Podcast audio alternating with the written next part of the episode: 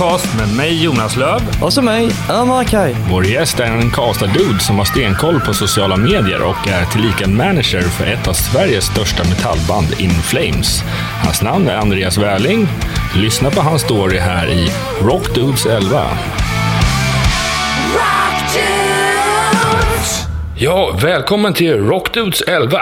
Nu är vi äntligen igång igen efter en liten stunds paus. Dagens gäst är inte mindre än Andreas Wärling som är manager för ett av Sveriges största metallband, In Flames. Han banade vägen för sin karriär med att vara ett stort fan av the lifestyle of rock'n'roll. Han var rockbandets road managers största skräck då han med livet som insats jagade autografer febrilt från sina idoler. Efter gymnasietiden så utbildade han sig inom crossmedia och mer om det pratar vi om senare i programmet. I slutet av utbildningen så ledde detta till att han startade ett eget bolag inom reklam och marknadsföring som han sedermera fick ett uppdrag av själva självaste In Flames med att utveckla en hemsida och en mobilapp. De var så nöjda med det här uppdraget att de tyckte, ska du inte vara medlem i vårt gäng, det vill säga, ska du inte kunna bli vår manager? Mer om detta i programmet. Men först ska vi prata lite om Rockdudes 11 sponsor som är Metallsvenskan. Metallsvenskan är en festival som sammanfogar två stora intressen som hårdrock och fotboll. På scen kommer du kunna se Motorhead, Behemoth, Raised Fist, Blind Garden, Candlemass, Corroded med flera. Det kommer garanterat bli fullt ös. Mer info finner du på www.metallsvenskan.se. Rockdus huvudsponsor är J-Leaf IT och Media. J-Leaf IT Media är ett bolag som har IT-konsulter med stor kompetens inom Microsoft infrastruktur och meddelandesystem. Jalif driver även Rockbladet.se, Sveriges personligaste rockmagasin. I slutet av programmet kommer vi presentera den ständigt återkommande musiktopplistan där vi tillsammans med vår gäst presenterar 15 låtar. Listan kommer publiceras på vår Spotify-profil och hemsidan rockdudes.se. Nu är det dags. Nu går vi över till intervjun med Andreas Wärling. Vår gäst idag är Andreas Wärling som idag är eh, manager för In Flames. Precis. Hur står det till? Jo tack, det är bra. Det är bra. Hur, eh, ja, hur ser din dag ut idag då? Just idag är jag skitsur på SJ, men annars så, så är det bra. ja. hur, hur sen var det med komma hit en timme och sådär? Eller? Vad sa du? Hur? SJ, hur sen var tåget? Ett, ja, gud vad var det? Det blev väl en och en halv, tror jag, i slutändan. Var åker du ifrån? Är det... Från Karlstad. Karlstad, okej. Okay. Det är en liten bit. Är det där du kommer ifrån? Karlstad? Yes. Kommer därifrån, bor där och utgår alltid därifrån. Mm. Så att, ja. Hur var hur började din eh, ja, karriär inom musikbranschen? Eh, kan du ta oss lite från din uppväxt, från tonåren kanske och framåt? Back in the days. Mm. Uh, nej, men uh, det började väl egentligen, alltså, man säger det är väl i två delar, men jag började när jag var uh, kanske i tioårsåldern någonting och var extremt stort fan av musik och artisterier, artister och sånt där. Och skulle ha autografer efter konserter och mm. var väl förmodligen turnéledares värsta mardröm, skulle jag tro. um, så man lärde ju känna massa folk där och under tiden man hängde runt. Uh, sen så, så blev det väl, uh, när man kom upp i åldern och började fundera på gymnasieutbildning och sånt där, då gick jag musiklinjen, estetisk musik. Jag skulle väl bli hade väl någon vision om att själv bli rockstjärna någon gång kanske. Mm. Som alla andra. Ja, vi alla. Eh, mm, precis. uh, nej, så jag gick tre år musiklinje. Uh, gjorde väl egentligen inte så mycket under den tiden förutom att spela musik och drack sprit ungefär. Det var väl det enda man gjorde. det är ju en bit av rocklivet ja, också. Ja, precis. Det bara hjälpte inte så mycket sen när man skulle ha ett så, så kallat riktigt jobb efteråt. Mm. Men, så i alla fall uh, efter gymnasietiden så snöade jag väl ganska mycket på det här med grafik och marknadsföring. För det är också någonting jag alltid hållit på med mycket vid sidan av. Just på att rita och promota så här, lokala band och hjälpt till med skivomslag och allt möjligt sånt där. Eh, så då sökte jag väl in mig på en, eh, en utbildning kan man säga. Det var i 21-årsåldern tror jag. Eh, på, uppe i Sunne faktiskt. Mm. Vad var det för utbildning? Va? Eh, den hette Cross Media Creator, så då fick man lära sig och eh, det var en ettårig utbildning för de som hade lite koll på marknadsföring sen innan. Jag hade ju gjort mycket själv så utan utbildning. Men eh, då skulle man lära sig att då kombinera de olika medierna. Att man sociala med print och mm, rörligt och sådär. Så att man liksom lär sig att kombinera alla konstformer inom marknadsföring. Ehm, för att egentligen maximera det, ja, det som behövs. Är det helhetsperspektivet du ser? Mm, det var väl det och sen så... Så det var väl det jag gjorde då. då. Och eh, det var väl en ettårig utbildning och sen efter, under, den, under den utbildningen så eh, hade vi någon form av praktik någonstans och musikintresset låg ju fortfarande kvar. Så då ville vi göra, var jag på en reklambyrå i, i Karlstad och eh, tyckte väl att jag skulle väl få in något, något med musik i marknadsföring också. Så då kom jag i kontakt med Petter. Mm. Um, och uh, var under någon gig sådär så kom jag på att göra någon app-idé åt honom. Um, så då, det kan jag tyckte var en cool idé, så vi rullade på med det.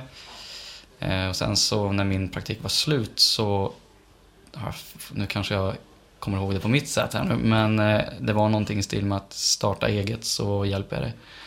Så han hjälpte till med kontakter och vice versa, så jag startade eget inom digital marknadsföring. Um, och sen rullade det på liksom alla möjliga kunder som kom på grund av det. Då. Och via det, just det steget in i själva musikbranschen var ju att jag hade en bekant som var bekant, eller är bekant med eh, medlemmar ur In Flames. Så han introducerade mig för bandet. Eh, och presenterade lite idéer och från början var det bara tanken att jag skulle göra, mitt företag skulle göra en hemsida och en app och lite sådana där grejer. Men sen så rullade det på i lavinfart och det blev mer och mer att vi kom in på ja, större projekt helt enkelt som man tog tag i och till slut så var det väl, eh, väldigt lång historia kort, så var det väl att ja, men ska inte du ta och bli, jobba med oss istället exklusivt? Och så blev det. Och sen så har det rullat på efter det. Är du anställd hos Inflame så att säga? Precis. Mm. Så jag har både mitt företag och en anställning. Mm. Hade de, en, eh, de hade väl en dåvarande manager också? Eh, ja, exakt. Hur var det att ersätta den personen då? Var det känsligt eller var det bara ett naturligt steg kanske? Från Nej, alltså den, den managern de hade just då var ju, det var ju han som hade liksom tagit dem dit de var idag mer eller mindre och eh, eh, grym gubbe liksom generellt. Sen så blev det bara ett steg i utvecklingen att det, vi gick vidare och sen jag, jag och även Jess Hale då, som även fungerar som turnéledare fick hålla liksom i managerollen helt enkelt. Så du, ni delar managerrollen då? Ja, vi har väl delat upp det lite grann så att jag sköter väl day to day och eh, framförallt det primära är ju då marknadsföring av varumärket, brandingen för Inflames. Eh, och han håller sig till eh, produktion och eh, turné. Så ni är aldrig inne i varandras bitar och hjälper varandra? Ja, eller han kör sin grej och du kör din grej? absolut, nej, nej, vi hjälps åt. Absolut. Okay. Så det... Men det är väl mest att man är, har olika fokus på olika områden. Så att säga. Men det har det hjälpt dig ganska mycket att du har en uh, utbildning i grund och botten, framförallt när det gäller uh, digital marknadsföring och sociala medier. För att jag har förstått det, det, det är en väldigt viktig bit när det gäller branding av artister nu där, i takt med att den fysiska skivförsäljningen eh, dalar och så måste man liksom maximera så mycket på online och digitalt. Och då är det svinbra att man har en sån här utbildning i grund och botten och kommer på eh, diverse idéer. Alltså det, som det ser ut idag, generellt sett så skulle jag säga att just eh, marknadsföringen är ju, den har ju alltid varit viktig såklart. Men för en artist idag med det surret som är, så just digital marknadsföring framförallt är viktigare än någonsin. Och framförallt att profilera sig för att jag menar, det räcker liksom inte att man är jävligt bra på att spela eller att man är, det finns ju till och med band som är sjukt stora eller var enormt stora för kanske 5-6 år sedan. Som idag knappt syns eller hörs eftersom att de har kanske väldigt svag marknadsföring eller att de kanske ja, inte har utvecklats liksom på, på sitt varumärke, inom sitt varumärke. Um, så därför det är ju någonting vi fokuserar extremt mycket på med Inflames. Just att profilera sig och framförallt nå ut via sociala medier och, och det har ju liksom gett resultat.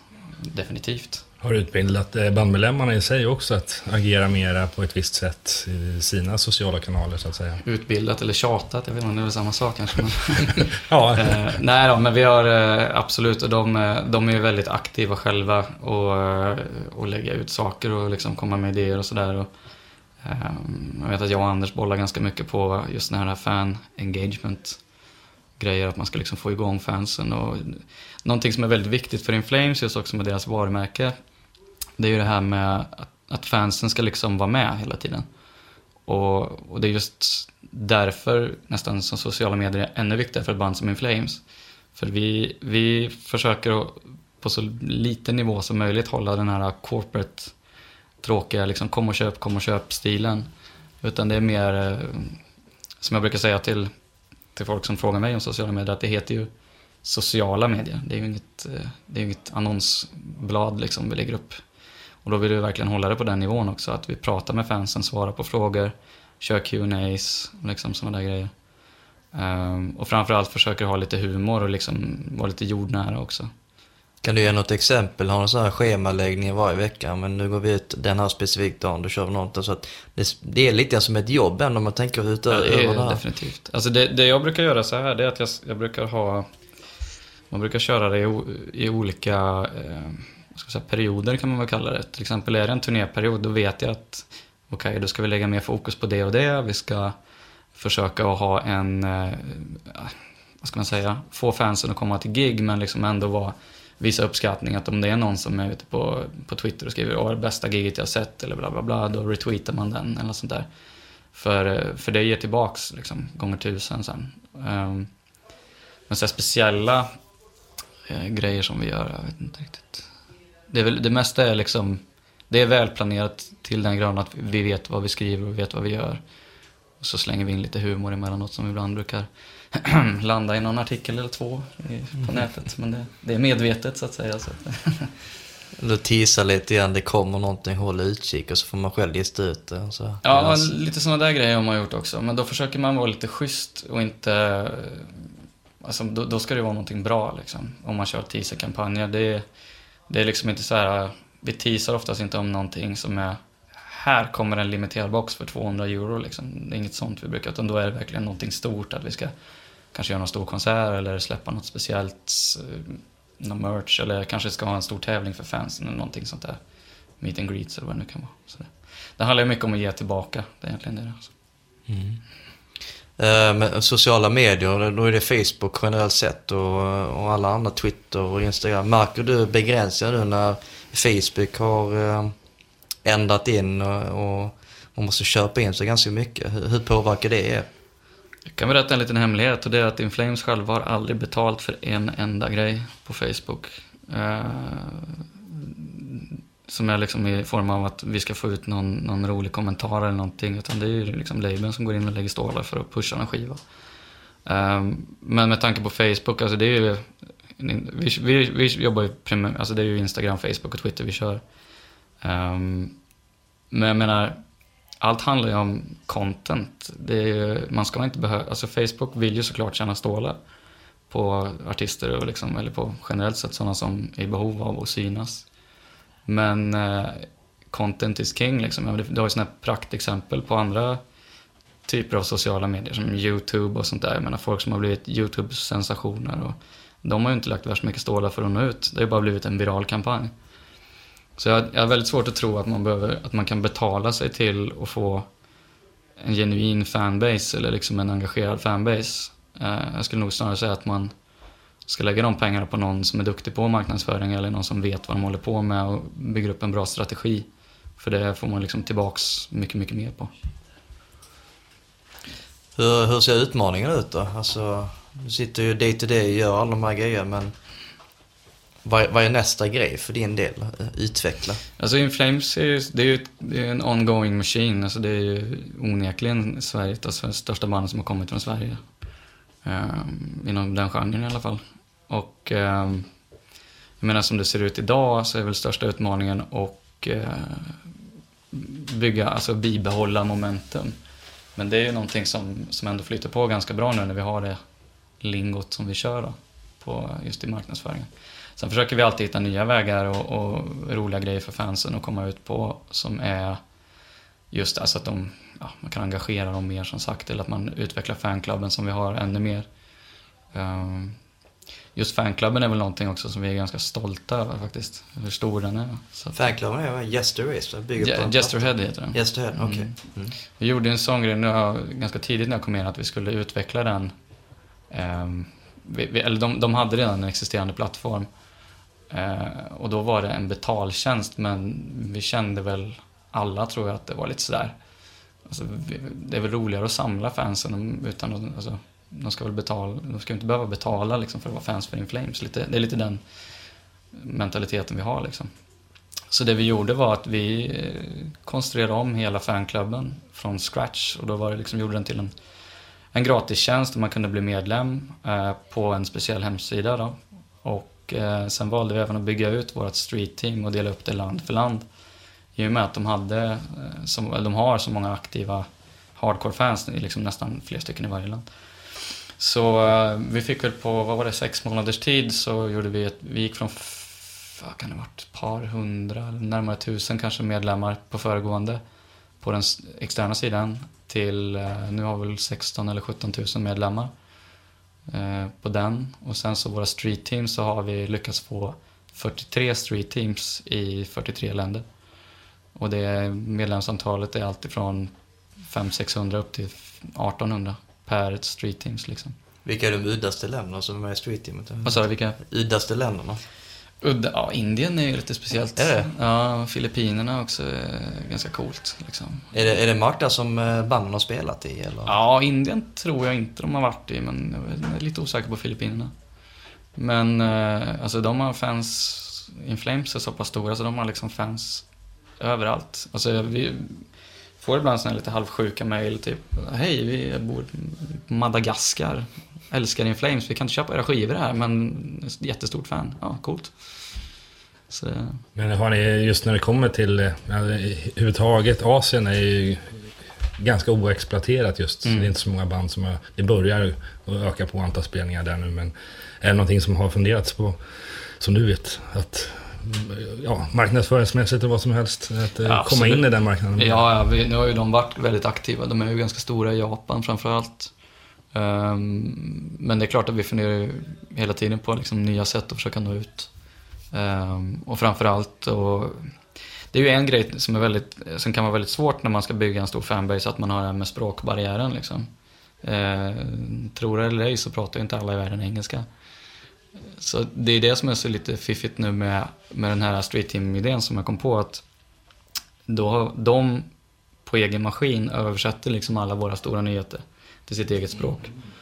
Mm. Så jag menar, har vi då 43 länder, då får vi, går vi ut med att nu släpper vi en ny video, då finns den nyheten på 43 språk sen. Mm. Men släpper de det på egna kanaler? Då, ja, vi kör, alltså det är bara via sociala medier. Mm. Så de, eh, det vi förser dem med Eh, Eh, det är ju mer att de får alla ha samma branding igen. Då en tanke jag hade att allting ska se likadant ut. Liksom. Eh, så de har i stort sett exakt samma grafik på alla sina Facebook-sidor och Twitter. Det enda som skiljer är ju namnet och någon flagga hit och dit sådär. Men, eh, nej det är grymt. Det är riktigt kul. Så. Om man, om man går in lite mer på um, dig som manager och dina aktiviteter. Hur mm. skulle man säga att en arbetsvecka ser ut på? Man kan bena ner på en dag, men det kanske På en dag, vi kan försöka. Mm. Uh, ja, det kan vara... Det är väldigt olika liksom. Det går ju från... Vissa veckor så om bandet är hemma och de kanske har något time off så kan det vara att det är lite mindre att göra just med gig och sånt där. Men det är kanske desto mer att göra med att mm, ha bra kontakt med endorsements och eventuella samarbeten på andra nivåer. Och, eh, kolla med labeln och komma på nya idéer, förbereda sådär. Men eh, när de väl är på turné så är det väl egentligen som mest stressigt, om man säger så. För då måste ju, som sagt, gig måste promotas, det måste clearas intervjuer, det ska ja, allt möjligt mellan himmel och jord. Liksom. Ja, det är du som sköter just hela den biten? Ja, vi, nej, alltså inte, absolut inte nej. själv. Eh, vi har ju, våra lablar är ju grymma på det där. Vi har ju dels Razzia i Skandinavien som är exceptionellt bra på den grejen. Och även eh, Sony Tyskland. som eh, kör vi Rest of World med. Så de, det är väl mest att jag har kontakt med deras PR-avdelningar och sånt där.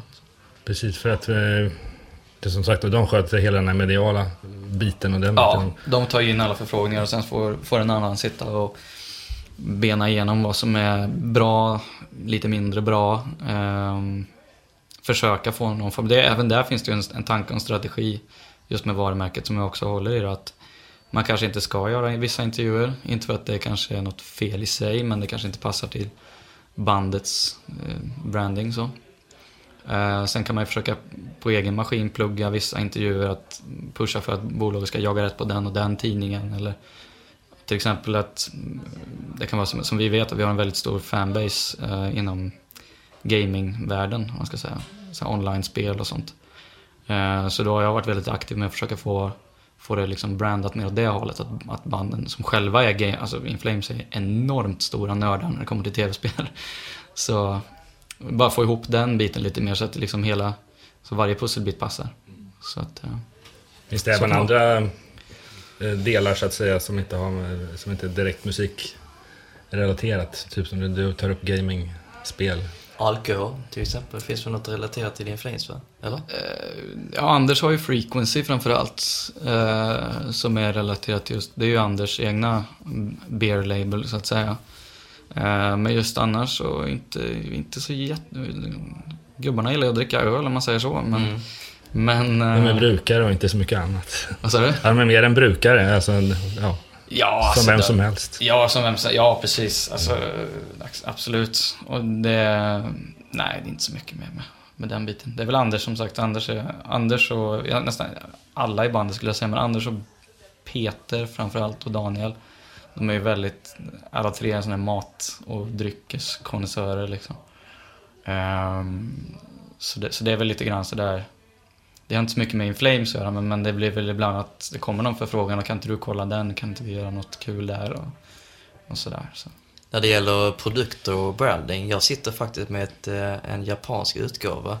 Eh, The Pinball-release med ett eh, pussel Mm. på, på själva plattan då, som tillkom med CD-upplagan, vilket var ganska lite udda. Jag tänkte, fan, jaha. Då var jag ju såhär 15 bast och sånt där. Jag fick, eller 18 och diverse. Men jag la ju pusselbiten. Det var lite udda grejer man fick med sig. Ja, det har kommit en del sådana här roliga konfigurationer. Eh, Allt från pussel till bältespännen och vad var det näst senast så var det någon pop-up-figur också i någon papphistoria. Det- finns alla möjliga grejer. Allt. Eh, men, men det där är ju också en sån grej när man pratar om, det blir kanske mycket snack om branding här, men just när man pratar om konfigurationer, det är ju, det har ju varit mycket det här, framförallt eh, Anders är ju drivande i frågan att han vill göra väldigt, mm, för fansen, coola grejer som han själv skulle vilja ha liksom från sina favoritband. Och även de andra i bandet är ju väldigt på för det med. Um, men den senaste grejen vi gjorde nu på Siren Charms, den var riktigt lyckad tycker jag. Den är inte så den är inte så prylnördig men den är ganska cool. Vi gjorde ju eh, en EP till, eh, till varje låt Mhm. i en box. Helt vita. Och det var så det, låten på ena sidan och sen instrumentalen på andra. Så det var sån här lite udda grej men den är kul att ha liksom. Vad är, vad är nästa pryl då? Sitter ni och bollar idéer hela tiden? Vi Ja, det gör vi. Foppatofflor eller... Fo- Foppatofflor ska vi ha. Foppatofflor om golfklubban. Nej, jag har ingen aning. Men, eh, nej men det får väl göra som Ghost och göra någon, sån här snuskleksaker eller någonting. Jag vet inte. Ja, men de har ju kommit ut med massa konstiga Gummikukar och Ja, allt ja, möjligt. Så, men det- så någon har ja, det här är Ghost, okej. Ja. Ja. Vill man chocka så vill man. Nej, men jag vet inte. In- Inflames har ju som sagt, det kommer ju komma mer musik så det är klart att det kommer ju snurra om mer coola grejer och utgåvor och sådär. Men eh, det, är ju- det är där är ju också en grej när man pratar hur man ska göra när man släpper en platta. Om man ska prata vilka konfigurationer man ska göra och fysiskt och upp himmel och jord vad det nu kan vara. Ehm, man vill ju göra sådana där coola grejer till fans. Någon, kanske någon vet, stort sett actionfigurer eller ska vara någon speciell tröja eller någon eh, stor guldpläterad höger vad det nu kan vara. Men sen ska ju folk ha råd med det också. Mm. Men det funkar ju inte att även om man är ett eh, relativt stort band så blir det så här, finns ju egentligen ingen mening med att lägga ut en produkt som är värd, kostar 2000 spänn i butik. Liksom. Då är det bättre att göra något coolt som är, ja, typ som ett pussel, men alltså någonting exklusivt eller limiterat som ändå kan ha ett värde i sig. Men inte behöver kosta skjortan för, för fansen. Liksom. Finns det någon eh, pryl där ute som har gått för vansinniga pengar? Alltså på Ebay? För In Flames? Ja. Ja, det skulle väl vara deras whisky då, de gjorde för, för något, några år sedan. Den såg jag någon, vad var den, la ut den för? Ja, det är ju 5-6 tusen spänn flaskan kanske. För en eh, whisky. Och den var inte ute så himla länge va? Nej, den tog ju slut på, nu kanske jag kommer ihåg fel här, men jag tror den tog slut på fem dagar. Fem dagar? Ja, de gjorde två utgåvor. En ganska limiterad, eller väldigt limiterad och sen en som det fanns lite fler av. Men eh, idag ska man ha tur om man hittar en sån flaska. Så. Finns på 2112 för övrigt, om de vill gå dit. Det här är då eh, två av eh, In Flames egna restaurang i eh, Göteborg. Ja, precis. Och det är också det där med, just med, som jag snackade om, med matintresset och, och dryckesintresset. Det är ju Peter och Björn som har 2112 i Göteborg. Så, och, det är ju en väldigt lyckad restaurang. Det är alltid folk som är där och hänger och är det något, något band i stan som spelar så kommer det dit alla möjliga människor efteråt. Så det, Jag har den Coolt. bästa produkten för, jag kom på det nu. Mhm. En tändsticksask. Ja, In det- Flames, det var ju det har vi, klockrent. faktiskt redan gjort. Har du kommit på det nu? Finns det? Ja. Hej! För, för länge sedan tror jag. Ja. Känns som att det borde vara bland de första grejerna. Ja, precis. Vi gjorde en Zippo-tändare nu vet jag inför den här i, som var limiterad i Tyskland. En sån här liten... Det blir väl fyndigt, så här Göteborgshumor så att säga. Samlar du på alla prylar eller? Nej, ja, ofrivilligt skulle jag säga. Men eh, jag har väl en, ganska mycket hemma på kontoret kanske. Alltså jag har ju lite prylar, eh, alltså framförallt eh, en skiva. Jag har ju de två första utgåvorna på In Flames på så här små etiketter. Mm. Eh, War Records och Wrong Again, återpressningar. De är värda en hel del pengar faktiskt. Ja, Men de ligger i vinden. Av någon konstig anledning. Tror du att de går och spelar fortfarande? Ja, absolut. Det är inget fel på min vind. Nej. Varmt och kallt. Nej men just att folk är så benägna att lägga så mycket pengar på allt med sitt favoritband. Det är fascinerande. Alltså dels whiskyn för hiskliga summor. Det är ju å andra sidan någonting som man kan eh, uppskatta till viss del. Men eh, dricka upp men sen är det borta i princip. Men jag tror, jag tror det där är just att samla grejen eller just samma med vinyl och sådär. Jag tror just för hårdrocksgenren, så är, eller metal, så är det en... Det liksom hör till på något sätt. Jag menar, jag kan inte riktigt tänka mig att, inte för att vara sån nu, men i pop exempelvis, eller sådär, att man samlar på samma sätt som man gör just för, för hårdrock. För jag menar, där, finns det ju galningar som har allt ifrån, ja, kan det vara, underkläder till posters och tandborstar och tuggmin och höger och vänster. Så länge det står bandnamnet på så vill man ha det liksom. Och sen var det med bandnamnet. Alltså inom hårdrocksvärlden så är det väldigt så här, ja, det, om man kollar på tatueringar framförallt. Mm. Ni måste ha sett jättemånga fans med influensskaddningar hit och dit. Men sen på popband så kanske inte lika vanligt man ser en Swedish House Mafia Nej, det är lite-. Ja, men pop- popvärlden är lite mera, den är tidsstämplad på något sätt. Men är du en gång In Flames-fan så kommer du förmodligen vara det för resten av ditt liv. Jag har, en, ja, jag har en sjuk grej där med just med tatueringar. Vi, jag gjorde ju... Jag designade om den här Eh, uh, Gesture-head-logotypen nu inför den här releasen. Ehm, och då gjorde vi någon sån här liten teaser att vi släppte ju den här loggan på, på sociala medier någon gång i maj, tror jag, 2014. Så tog det väl, kan det ha varit en två, tre dagar så får vi ett sånt där direktmeddelande på Facebook. Då är det någon snubbe i Sydamerika som har tatuerat den logotypen i tinningen. Stort som ja, 4-5 kronor bredvid varandra. Liksom. Då blir man så här, du har inte hört en ton av skivan än liksom, men ändå väljer att sätta den där i tidningen. Känner du lite stolt med tanke på att du hade rebrandat hela Ja, jag blir nästan lite rädd skulle jag säga. Men, sen, men den där, just den, den har blivit väldigt uppskattad faktiskt. Den nya. Det kommer i alla möjliga konstellationer på fingrar och magen och någon som hade gjort det. Jaha. Men, sådär. men det finns, finns många In Flames-tatueringar där ute, det kan jag säga. Väldigt många. Funderat på att skaffa en själv då med din egen rebrandade logga, skinkan och sånt. Ja, precis. I made it ska det stå. Nej, det, det tror jag inte. Vi får se. Jonte kan vara fundera med Rockbladet, tatueringen sånt när det kommer upp i 100 000 followers eller Det, så. det vet man inte. Ja, skall sig aldrig, men eh, nej. Eller Rocknews för den delen. När vi kör vårt hundrade avsnitt ska du och gadda oss, känner jag. Under sändning då, givetvis. Ja, det får bli. Någon li, ja, det något får- väldigt lite som vi kan dölja. Bland alla mina andra tatueringar. Ska vi vänta ända till dess med att ta tatueringen? Nej, i den här takten så kanske vi kommer... ingen plats kvar. då är kroppen full. Ja. Ehm, ja men alltså, jag tänkte så här, gå in på det här med turnerande. Hur ser era cyklar ut? Är det inte så här typ att Influens um, är ute ett eller två år, sen tar de en paus ett år för själva skrivarprocessen och sen... Har det alltid varit så här eller? um, Vad är... Ja, så länge, så länge jag vet om tänkte jag säga. Nu har jag varit med dem i fyra år blir det nu va? Men eh, de brukar köra så att de turnerar i ungefär två år. Och sen så är det, som du säger då, skriva och eh, spela in. Och sen så är det på't igen så att säga. Så det är alltid ett år paus med, mellan Ja. gig? De senaste åren har det väl varit att det kommer en ny platta ungefär var tredje år. Då. Så, så det är väl så det ser ut. Just nu är de ju som sagt då, tugga på i USA. Så eh, Okej. Ja, man ska inte stressa när det gäller musiken och jag, jag antar att de eh, håller på. Har de en mobilstudio till exempel? När de är ute på vägen kommer på idéer och så. Ja. Eller kör de alltid i studion hela det året? Nu kör vi och... Nej, alltså de skriver ju hela tiden. Även eh, både på turné och sen när de sitter hemma. Så Björn är ju väldigt eh, aktiv och även Anders har med sig ett lite mindre rigg på när han är ute och åker, en liten synt och sådär och sitter och skriver och har sig så. Får du ta del av materialet eller är hemligt allting? Nej, Så- ibland har man tur. Men, eh, de, men de skriver som sagt idéer hela tiden och ibland får man höra, ibland får man höra lite senare. Har du någon input i själva musiken hur det låter? Nej, nej, absolut inte. Det är helt och hållet till dem. Så att eh, det skulle inte låta som en Flames annars, ska jag säga. Vad skulle det låta som då? Ja, jag vet inte. Jag, jag har ju ett favoritband som en viss gitarrist avskyr och det är ju Kiss. Gör du det? Nej, det, det, det är ju svinbra. Jag är ju stort fan jag själv så att... Ja.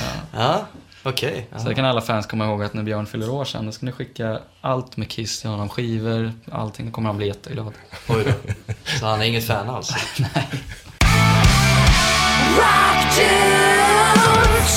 Du träffar väl en hel del intressant folk också i, samband med att du jobbar med artister. Det är ju inte bara musiker så att det är ju alla Nej, det möjliga. är, herregud. Det är alla möjliga. Eh, Och det där sitter ju kvar sen jag var, sen jag var yngre. Just det där med, med autografjägar eh, mentaliteten man hade. Så man har ju skaffat på sig någon form av öga för det där.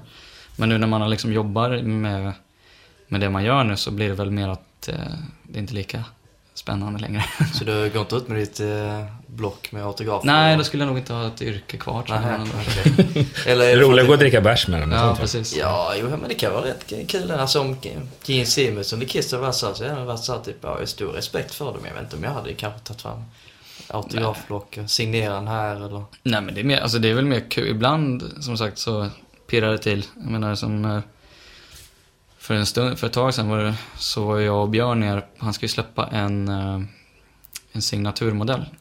En Epiphone Gibson Les Paul. Eh, så vi var nere i Frankfurt och då hade han ju signing samtidigt som Tony Iommi från Black Sabbath. Och det var ju, det var ju lite nervigt. Men samtidigt får man ju får man hålla sig på, på banan. Ja, den bilden såg jag på Facebook. Mm, det var riktigt. Jag tror till och med Björn blev lite skakig där faktiskt. Så att det, Alltså det var första gången jag träffade honom. eller? ja, Björn har ju stött på honom förut, de har ju lirat på Ozzfest och såna grejer. Så att, men eh, han är ju, diggar ju Sabbat, så, att, eh, Okej. Ja. så det är lite coolt. Tänk om Black Sabbath är stora fan av Flames. Det är en liten kul grej där. Eh, Bill Ward faktiskt. Vad var, jag kommer inte ihåg vem som berättade, men när de hade lirat där under Ozzfest så, så hade faktiskt Bill Ward stått vid sidan av stärkan eh, vid Peter tror jag, och stått och diggat under gig och kollat på. Så han har tydligen gillat den svängen där. Men han är ju helt eh, inne på extrema grejer jag märkt. Jag har sett sån Ja. topp 10-listor med en massa dödsmetallgrejer. Så. Alltså där är nog trummisen i Black Sabbath och han är ändå en, uppe i en viss ålder. Inte för att det ska vara någon betydelse men ändå så här Fördomarna- obskyra- fördomarna inte säger det. fördomar men mm. obskyra band som inte ens jag har koll på. Så underground-aktigt. Hur fan kommer man i kontakt med det? Så här, man lyssnar och pluggar så här. Det är ju ganska stor respekt med tanke. Sen kan man ju ha sina åsikter angående varför inte han är med på turnén. Och det är ju en annan se- separat Folk som inte känner dig kanske inte vet om att du gillar annat än dödsmetall. Jag har ju gått runt i en annan podd. eh, Vår, vår klippare eh, Tobbe Endigo, jag var med i hans podd och där uppenbarade sig att jag är stort Katy Perry-fan. Ja. Då var den intervjun avslutad. Nej, jag. Rakt ut i etern så här. Ja, och det var i samband med att eh, Katy Perry skulle faktiskt hit i Globen och spela. Ja, ja. En jävla upplevelse faktiskt. Nej men eh, för, utöver eh, metal så här, eh, du lyssnar ju på andra musik också. Nu har du ju Ja. på dig en Behemoth eh, Precis. tisha på dig men Nej, jag lyssnar nog på allt möjligt. Allätare på, det, så- på den. Så det är, det är väl ingen stil jag egentligen inte står ut med. Och du har funderingar på att vara manager för ett, en popakt eller du känner att du, du har ingen tid till det för att det räcker med Nej, alltså... Absolut. Så här, jag tror att just den här managementrollen, eller så, det blir ju lite lökigt att säga ordet manager, jag vet inte varför, men det, man ska nog kalla det mer som eh, projektledare eller någonting i den stilen. En skötare? Ja, det är en precis. annan som Dagisfröken. Ja, precis. Men, eh, men... eh, Att, att, alltså, jag tror ska man, ska man liksom se det till, till det yrket det är så kan man ju egentligen applicera det. Det som jag gör är ju inte genrebetingat liksom, utan det, om man pratar just marknadsbiten eller avtal eller om, vad det nu ska vara, det kan ju man egentligen applicera på vilken genre och vilket band och vilken artist som helst. Det enda handlar ju om att man får liksom prata till sina fans på olika sätt, men det, det är ju bara ett filter mer eller mindre man sätter på. Du berättade tidigare just om att skillnaden mellan fansen är ju rätt stor om man Mm. jämför med hårdrock och pop. Precis. Skulle det inte vara en, en ganska stor utmaning att ge sig på Nja, popvärlden? Alltså det är väl mer, det, det jag menar med, alltså, som jag sa, hårdrocken är väl mer som, just med den biten menar jag att de kanske är mer hängivna och samlar folk så. Men eh, jag menar just till att engagera fans och sådär, men det finns ju, jag har ju sett vissa popartister som är helt fenomenala på sociala medier liksom. Så, att, eh, så, det, så det tror jag inte, det, det är inte så stor skillnad egentligen. Det, är, ju- det handlar väl mer om att vara, vad ska man kalla det? För, att- för att kunna nå ut till sina fans så måste man nog kunna förstå sina fans.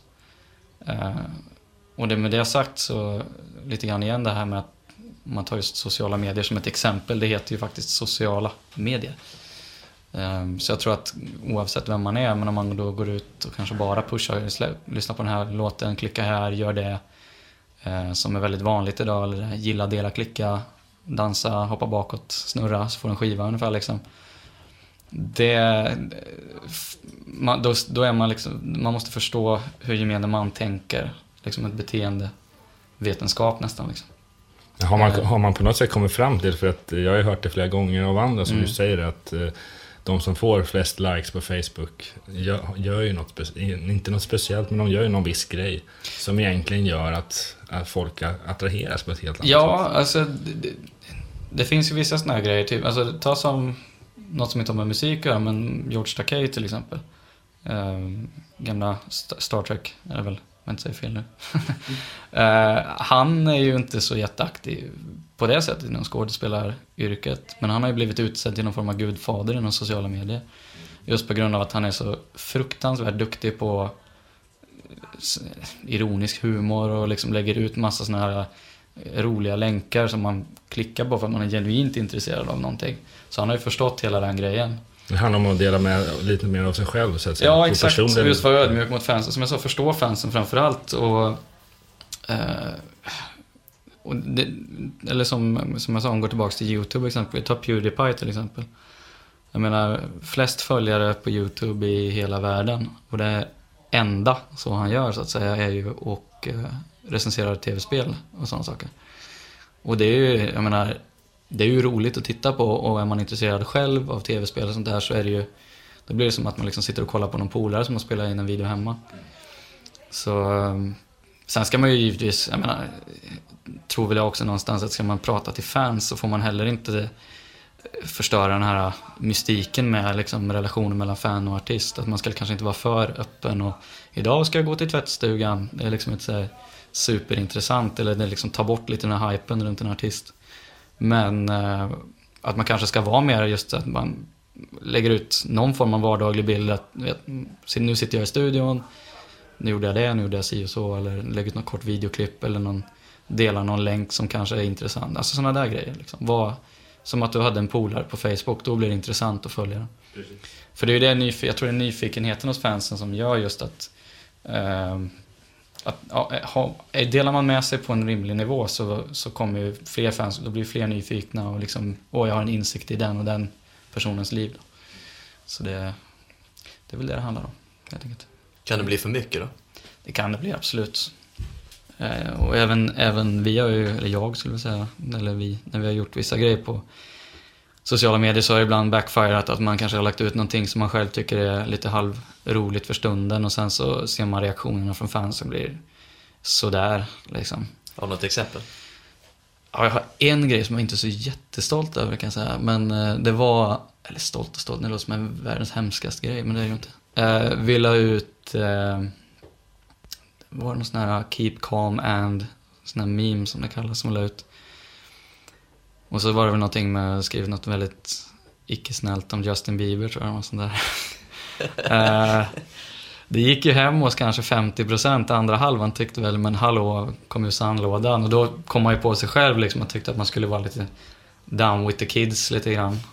Bara att man blev ju mer pajasvarning liksom. Så det visar 50% av fanbasen i Flames är Justin Bieber? Nej, det var, det, var, det var nog mer snarare att de tyckte att okej, okay, you went too far. Liksom lite sådär. Du ska inte ge Justin Bieber ljuslyktan här under? Nej, nej. Han har ju snott våran Yesterhead, så att det... Kanske. Det är, det är inget fel med Justin Bieber. Han kanske diggar In Flames. Alltså, ja, han uppenbarligen. Han har ju en logotyp som är ett sånt uh, jokerhuvud. Ja, du ser. Rent marketingmässigt, vad fan om man är featuring en In Flames-låt eller vice versa. Helt plötsligt får man ju alla kidsen med sig. Alltså, ja. En helt ny fanbase. Man får alla kids med sig och alla andra fans försvinner på en, som en avdelning. ja, det, den risken finns. Så får man utvärdera lite om det är värt Nej, det kommer nog aldrig ske. Nej, men just det med den, vi pratar väldigt mycket positivt om mm. sociala medier, men till exempel inför det här senaste skivsläppet så mm. läste man ju ja, rad ut och rad in efter ja, massa negativt. Mm. Bara för att folk tycker vissa saker om den nya skivan, den nya Precis. låten. Hur, finns det någon speciell hantering runt, runt sånt? Ja, det finns det ju. Alltså, vi, det där har vi diskuterat ganska mycket för att eh, det är ju baksidan med just sociala medier. Att den har ju liksom tagit fram en hel armé med så kallade keyboard warriors, som man får säga. Um, förr i tiden så var det ju det att när en skiva kom, eller du vet de här fansen som satt och gömde sig på något forum som kanske inte var publikalt på samma sätt. Uh, och nu har ju liksom den, vissa av den mentaliteten flyttat in på just sociala medier. Och som vi diskuterade just för senaste skivan så var det väl det att det kom ju, det är klart att det blev ju en backlash men samtidigt så har det varit mer eller mindre samma grej för nästan alla skivor som In Flames har släppt. Jag menar när de släppte Sons of a Playground Fading, ja men då var Sense of Purpose mycket bättre. Släppte Sense of Purpose var den förra mycket bättre. Alltså det har alltid hållit på sådär. Så eh, det enda man tror man ska så hanteringsmässigt, det är ju låta, alltså för de alla har ju rätt till sin åsikt. Och det är det vi är väldigt öppna med att säga också att, jag menar, okej, okay, ni tyckte inte den här skivan passade helt för er, och kul att ni gillar andra. Så det, och det tycker ju vi genuint också. Det, Inflames har ju liksom alltid skrivit för sig själva. De skriver sån musik som, som de vill visa upp för omvärlden. Så det har ju aldrig varit, eh, jag menar, jag tror, jag tror någonstans att skulle Inflames börja skriva eh, musik precis, alltså ungefär som att ha en mall, så här måste en Inflames-platta låta. Det skulle nog bli ganska tråkigt liksom efter en stund. Så... Eh, det låter allting precis likadant hela tiden. Ja, liksom, lite så.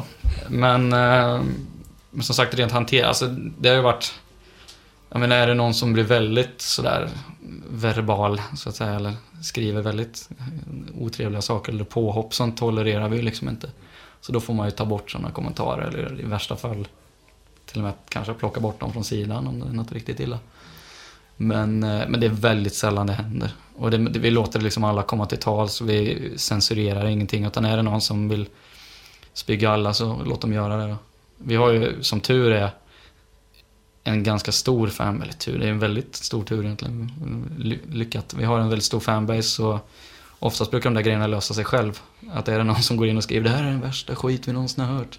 Så kommer en 55 andra pers och bara, ja men du då? Ja, ja men det blir det här munhuggandet ja, någonstans. Ja, precis. Och på något sätt så tycker jag ändå att det där är lite, det är nästan lite coolt på något sätt för fansen måste ju få komma till tals på något sätt. Och den här diskussionen, jag kan tänka mig att det är för, för 20 år sedan, då kanske det var att folk Ja men just att det fanns forum eller fanzines eller vad som helst. Du vet, någon platta blev totalsågad och någon blev hyllad i något annat. Och så träffas de på någon festivaler, någon gig och så huggs de lite där och dricker bärs. Men sen är det bra sen. Sen står de ändå med hånchatt Ja, framför scenen så. ändå. Så. Men... Du lyssnar på Kiss. precis. står med en kiss, kissbransch framför Björn. Ja, precis. Gör det och hälsa från mig. Men det var, var är Inflames största marknad? Är det USA som är ute och spelar? Eh, jag skulle säga nog största, det är väl Sverige, USA och Tyskland. Ska jag säga. Så Sverige är nummer ett, hemmabasen då och sen Ja. eh, Tyskland och USA. Mm. Finns det någon marknad som ni känner typ att nej, men här börjar hända, här måste vi sätta mer fokus på? Det kan ju vara alltifrån eh, nya marknader som har ändå en, som Kina som är en miljard människor, Ja. och Indien för den delen. Om man bara kommer in där och får... Ja, nu har ju band, bandet har ju hållit på, de grundades ju 1990 så att nu är det liksom 25 år in. Så de har ju varit och petat lite överallt liksom. Men just Kina, det har varit grymt. Framförallt där har de inte varit sådär värst mycket vill jag påstå. Eh, men även, ja vad ska man ta? Australien och Nya Zeeland, där ska det vara. De, bandet älskar ju att spela i Australien. Så där hade det varit riktigt kul om vi kunde köra lite fler turnéer och sådär. Det är på grund av värmen eller är det... Absolut. Ja. Surfing så. Surfa livet, det kan Ja, Jag har aldrig varit i Australien så jag vet inte hur scenen är där överhuvudtaget. Ja, vi var ju där nu i, eh, vad var det, i november och spelade med, vi gjorde en turné med, med Trivium. Som var riktigt lyckad. Co-headline eller Trivium headline eller? Då, nej jag tror, det minns jag faktiskt inte men jag tror det var någon, någon split av något slag där. Så att, eh, men Trivium är ju väldigt bra vänner till bandet också så det är ju kul, dubbelt så roligt för bandet att spela dels i Australien och sen med, med Trivium. Han brukar även spela tillsammans i USA också. Ja, absolut. Ja, Trivium är ju ett amerikanskt band så det är väl det, deras hemmamarknad är den största misstänker jag. Mm. Yes, nu hoppar vi in lite på framtiden. Vad, vad, ja, närmaste framtiden, vad händer nu? Närmast för In Flames. Ja, är det för, så- för det du jobbar för, med? För det jag jobbar med? Eh, nej, men närmast för In Flames nu så ska de ju fortsätta att turnera i alla fall. Och eh, det kommer ju pågå in till nästa år såklart. Och för min del så blir det väl mer att eh, ja, sätta ihop framtida grejer för bandet och ska försöka, försöka ta dem än, ännu bredare än vad vi har gjort hittills så att säga. Eh, vi har väl några ganska roliga idéer som vi inte kan prata om. Som kommer framöver. Hemligheter? Ja, precis. Men eh, nej, men sen har vi ju vi har en DVD som kommer. En live-DVD. Som vi spelade in, eh, bandet spelade in i Göteborg och Stockholm nu i förra året. Så den ska bli riktigt kul att få släppa loss. Är den kombinerad mellan de två spelningarna eller hur? Är Ja, det är lite, lite blandat är det. Eh, primärt inspelat i Göteborg då. Så, men den, vi har sett lite rough takes eh, ur den och det, ja, det blir det fetaste de har gjort kan jag säga. Ja, det en jäkligt häftig ljusshow. Eller alltså hela showen var ju Ja, väldigt... har- det är också en sån här grej, alltså det är inte för att, bara för att glida in på det spåret en stund, men just In Flames live och hur, eh, vad ska man säga, vad som gör In Flames till ett bra, eller så stort liveband som de är, det är ju just folket runt om. Eh, vi har haft så otroligt tur att jobba med riktigt, riktigt vassa ljustekniker och eh, duktiga liksom, produktionsfolk. Så just det rigget vi hade i Skandinavien där, det var ju ja, värsta jag har sett. Det var liksom enormt. Mm. Eh, Då sparar man på krutet någonstans. Ja, de har, det, hela budgeten röknar. Men det, nej, men det är riktigt mäktigt alltså. Jag tror att de som var där kände väl samma sak just på det här giget. Det, just, det var ju som att titta på en film. Det var helt makalöst. Det kan ju bli lite eh, tufft annars att göra just allting, inte bara på hemmaplan i Sverige utan på hemmaplan i Göteborg. Ja, men, men exakt. Och det är ju det är ju det att det var väl någon i bandet som sa nu, det, det är inte lätt att vara profet i sin, i din hemstad, eller man säger, men frågan är om inte de är det, för att det, det är fullt ställ varenda gång de lirar i Göteborg liksom. Ja, det är ju Sveriges eh, största hårdrocksexport. Det är, det är några band också i och för sig Europe, men jag vet inte riktigt. Ja, Opeth och det finns en del som är... Opeth också till viss del. mm. Ja. Men In Flames, ja, det är just, just live är det liksom, är svårt att se många som slår dem på fingrarna där faktiskt. Och Ja, de gillar ju att kosta på det där också. Ja, Det- gud ja. Och det är ju också en sån där grej att det är igen för fansen. Det, jag menar, det finns ju ingen, ingen som helst tanke om liksom att de ska spara in på det och det för att det liksom ska bli någon större vinst eller sådär. Utan det är full blås. Eh, och jag menar, vi kommer ihåg vi gjorde... Det har ju varit en del andra sådana här riktigt coola grejer de har gjort som 2012 Metal Town, jag vet inte om ni såg det? Ja, jo, just det. Stor, stor 3D-projektionsduk som de stod där. Det var helt makabert liksom. De gick upp och stod i massa ställningar. Ja, visst. Så, nej, den DVDn i alla fall som ser jag väldigt mycket fram emot att få. Hur ser ditt arbete ut i en sån typ av produktion?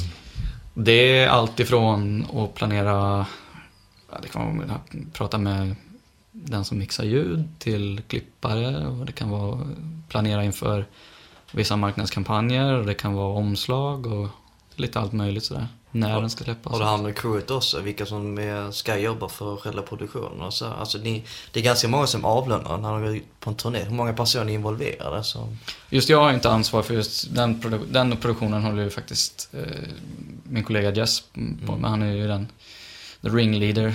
men ungefär ett crew, hur många personer är Hur många vi är? Ja. Eh, oj. Räcker det med en jag tror- turné, turnébuss eller är de flera? Nej, det räcker med en, men jag tror vi är, jag tror allt som allt så är det In Flames åker väl med åtta, sju eller åtta stycken tror jag är, totalt. Som är crew. Och det är, så Björn har en gitarrtekniker, eh, Niklas och Peter har en tekniker. Sen har Daniel sin trumtekniker och så har vi monitortekniker och det är front of house och det är ljus. Och sen har vi även en Merch sånt. ja, bandassistent och Assistenter också till, till band? Till Ja, assistent- absolut. Okej, är på den nivån. Ja. Men åtta personer runda stänger, det, det låter inte så mycket med tanke på den nivån de är. Nej, fast det om, man, om man ser till om man ser till det, alltså, de, det, är ett, det är ett tight men bra crew liksom. Det, de här, många av dem som är med nu har ju varit med i många år. Så, och det blir väl lite grann som en familjegrej liksom när de åker ut. Så, och bandet har ju en extremt bra relation till alla crewmedlemmar. Det är ingen extra crewmedlem som känner som fattar som skulle behöva, som en sminkare eller en Sminkare, nej. eller i och för sig en assistent, jag tänker efter. Ja. Nej, det, är- jag tror det är ganska fulltaligt faktiskt. De sminkar sig själva med Ja, ja men. Det är många timmars jobb, men de gör det själva. Kissminkningarna där igen. Så de är ju skäggiga de här gubbarna, jag tänkte Ja, det är mycket lösskägg som ska på. Skäggfrisör! Ja, precis. Ja men det är det som det, är- jag skulle säga att det är ganska obefintligt, för de låter bara skägget växa. Precis. Ja men du måste ändå trimma. Tänk på, va- vakna upp på morgonkvisten skägget är lutar åt ena hållet, pipskägget och det går liksom inte. Ja, om man har mindre skägg än vad de har, då, då, då kanske man... Nu har de så långt, så de börjar gå snart förbi Cissi Topp. Ja, precis. Ja det stämmer att ja. Så är nog mer hanterbart. ja. Nej men det, det är intressant att höra hur, vad som händer på turnés. Men eh, du åker ju mest, eh, du åker inte direkt med banden alla gånger. Du sitter mer eh, off-sidan här hemma och sen åker du på massa möten med skivbolagen och PR-folk. Och... Är det självvalt eller är det bara är så för att... eh, Nej, det är ju självvalt. mm, Absolut. På det sättet. Jag är med ibland. Åker med någon, någon vecka hit och dit. Eller så, som du säger, så är det möten och lite setups och sådär. Men annars så är det ju day to day business som gäller. Så att det, det funkar bra för mig. Jag har ju en dotter hemma och sådär. Så att det, det är skönt att vara hemma också. Så. Du flyger en hel del eh, över Atlanten också, märkt. Mm. Eh, ett möten med skivbolaget, med majorbolagen då, antar jag? Mm, precis. Hur ofta händer det då att ni kör de här vänderna? Titt som tätt eller när de är aktiva banden? Det är svårt att säga. Jag menar, något år har det varit så att man flyger ett par gånger och sen så kan det vara ett annat år så flyger man en gång i månaden. Så det kan vara... Det är Är det för att det är intensiva just då när de är ute och spelar? Ja, det är en väldigt, alltså Inflames är en väldigt, väldigt stor maskin framförallt. Det är, det är ganska mycket som ska styras upp och hålla reda på och eh, framförallt så är det, är det ju just för, just för den här skivan så har vi ju också eh, Sony Music som sagt som är ny. Razzia var med på förra plattan men Sony Music i Tyskland är ju är en ny partner då. Så då är det ganska mycket setup som ska göra runt om och sådär. Hur känns det att jobba med en major i Tyskland då? Alltså med tanke på Nuclear Blast innan man jobbade med... Ja, det, se- precis. Vi hade ju Nuclear Blast och sen så hade de ju Central Media. Eh, och sen nu då Sony.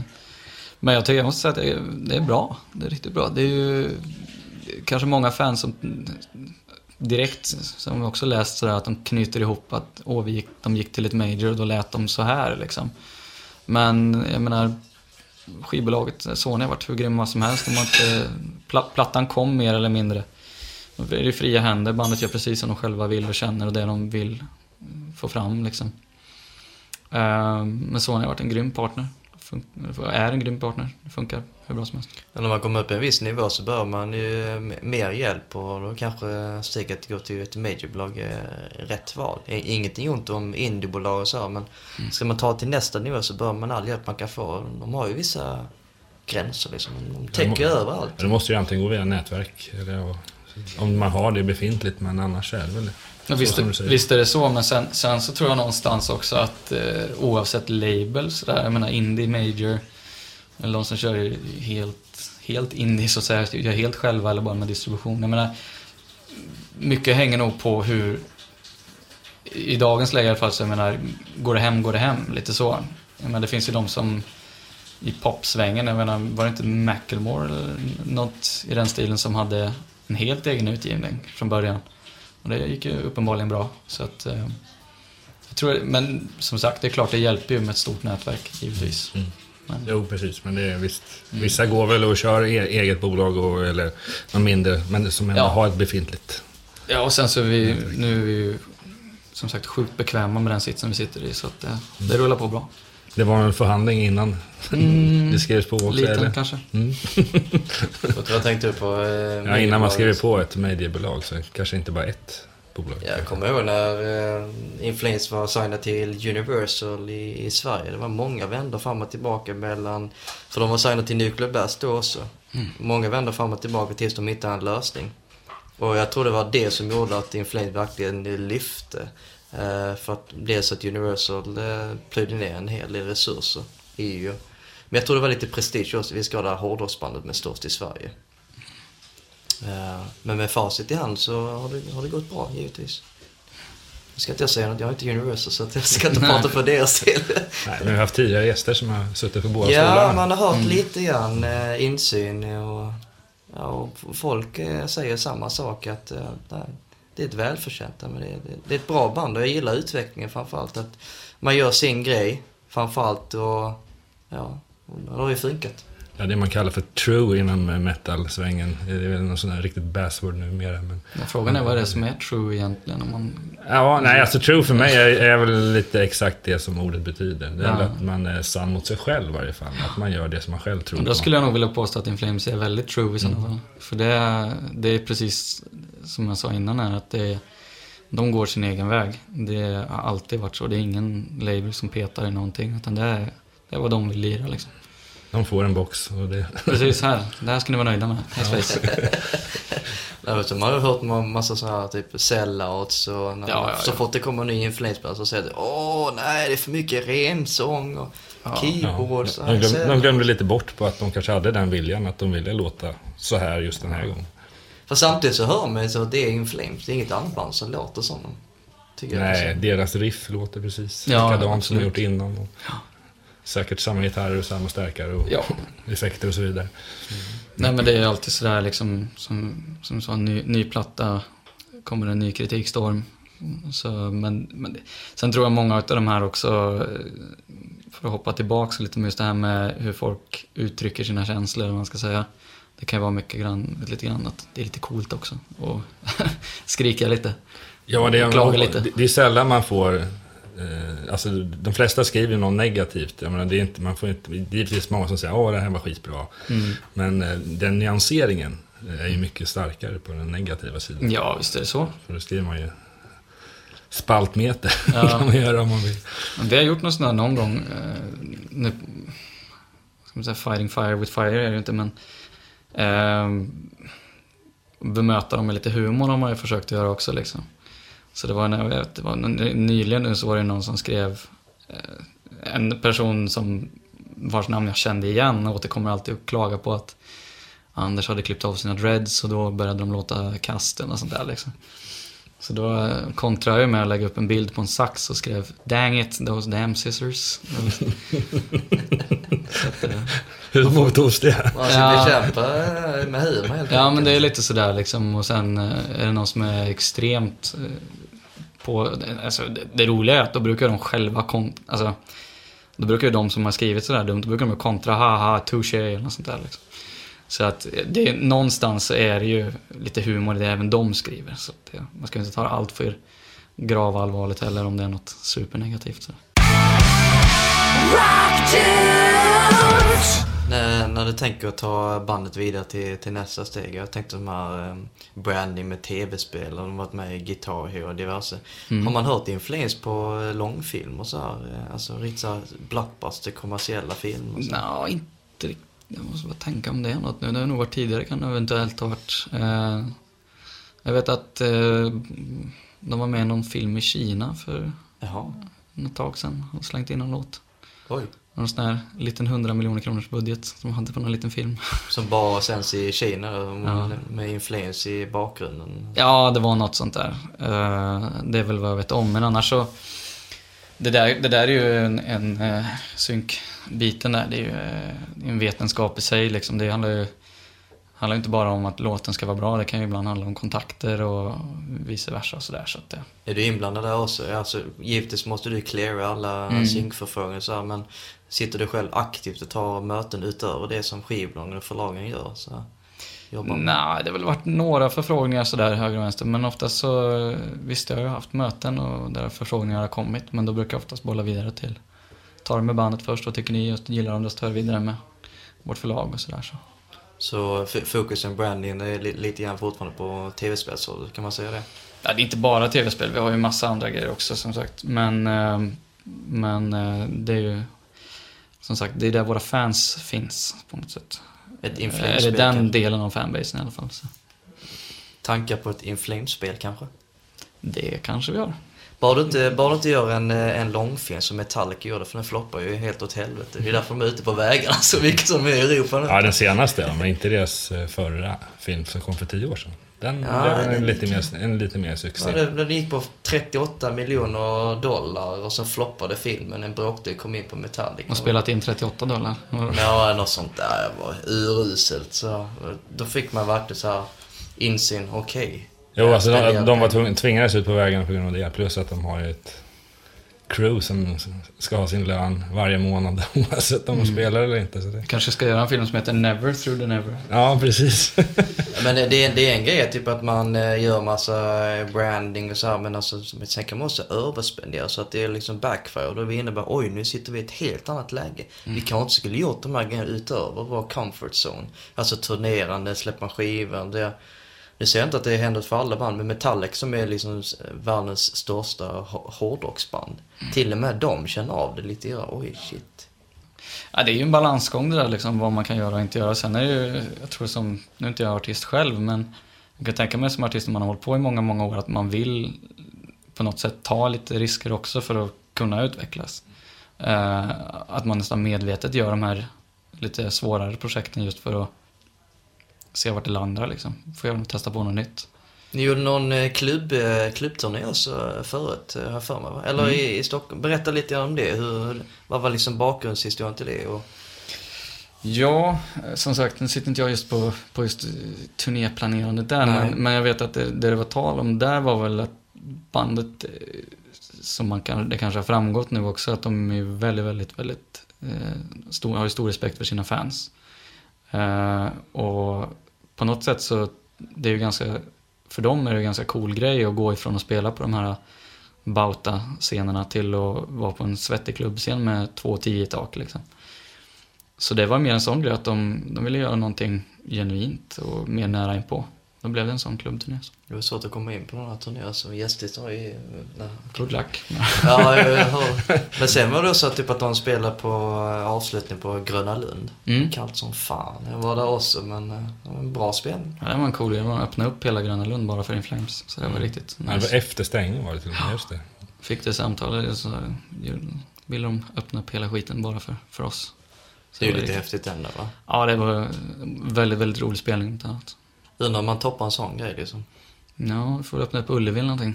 Det är väl nästa steg. Men det, det kan, jag trodde faktiskt att det hade hänt, men det har det kanske inte. Med tanke på att det bandet är från Göteborg så är ju...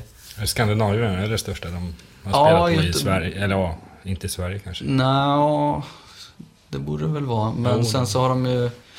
Ullevi har de spelat på en gång, som, tror jag, innan, som förband till Maiden, om jag inte minns helt fel. Ehm, men det hade ju varit riktigt trevligt att göra. En sån Topp. Håkan Hellström-grej. Toppa Ja, Håkan precis. Hellström med en be- besökare mer än han. Precis. yes! Det var Sen de siffrorna kan man alltid fundera över. Ja, men där är gästlistan. Mm. Men det är roddar extra så här. Det var hitta den bästa virala kampanjen man kan hitta. Precis. För en gratiskonsert, då kommer alla. Så det måste bli så folkligt som bara för att kunna nå den här stora massan. Och ja, det, det kanske är en utmaning i sig för din del. Mm. Se till- Absolut. Åldersspannet är alltid från, ja precis när man föds tills man dör. Mm. Men det är ju det som är lite kul nu med ett band som, alltså som det här bandet, för de har ju, eh, jag menar deras fanbase är ju, alltså nu kommer ju folk och dyker upp liksom med kids på, på spelningarna. Eh, och även sådana som säger, ja min pappa lyssnar på er, Eh, han var ung. Ja, okej. Men det, ni kan ju tracka det också med YouTube-statistik och Facebook. Man ser exakt kurvorna, men åldersspannet och vilka länder. Så jag antar att det är väldigt viktigt i ett, ett dagligt arbete. Men här ska vi sätta fokusen på, här verkar hända grejer och så. Det är klart att man tänker på det, just eh, liksom följer statistik och försöker liksom arbeta utifrån det. Men sen är det ju egentligen samma där, att vi håller ju en eh, så bred och ärlig eh, approach som möjligt. Det är ju också en sån här, för jag tror det skulle bli lite, lite när man försöker vara något man inte är, så tror jag nog att det lyser igenom, speciellt för sådana som är hardcore-fans eller sådana som är mer insatta. Man märker om de helt plötsligt bara Hallå, eh, börjar skriva LOL och haha, roffel och vad det nu kan vara. Då blir det väl inte lika, inte lika fräckt kanske. Jag tror på eh, nä, nästa marknad i Indien faktiskt. Jag sitter och planerar, planerar ganska mycket. Jag har varit med om eh, vissa band som jag jobbar med. Halva fanbasen är i Indien. Fattar ingenting. Hur fan gick det här till? liksom? Som du relaterade till Metallica förut. När de skulle göra sin första spelning så tog det väl tre tillfällen innan de väl kom till skott. Mm. Bara för att säkerheten var ju någonting helt annorlunda där. Men det är väl ingen säkerhet där överhuvudtaget. Det finns ingen stängsel eller någonting. Eller knappt utbildade personal. Så här, bara... Nej, men hela crewet blev ansatt av publiken. De sprang rakt upp på scenen och bara gick bärsärk. James Hetfield, huh? ja, de var nog inte ens på plats tror jag innan de avbröt det den. är bara usch, soundcheck. Men det är, väl, det, är väl, det är väl speciellt med de här eh, länderna där det är lite helt annan kultur. Andreas, så ska vi prata lite mindre roliga grejer. Eh, Vi läste lite grann på, på nätet av alla ställen att uh, Inflames hemsida blev tackad inför releasen av Siren Charms. Eh, vi vet om det är verklighet eller en PR-kupp. Har du någon bakgrundshistoria till det eller är det galna ryssar som är igång? Ja, eh, ska man säga om det då? Eh, om man säger så här.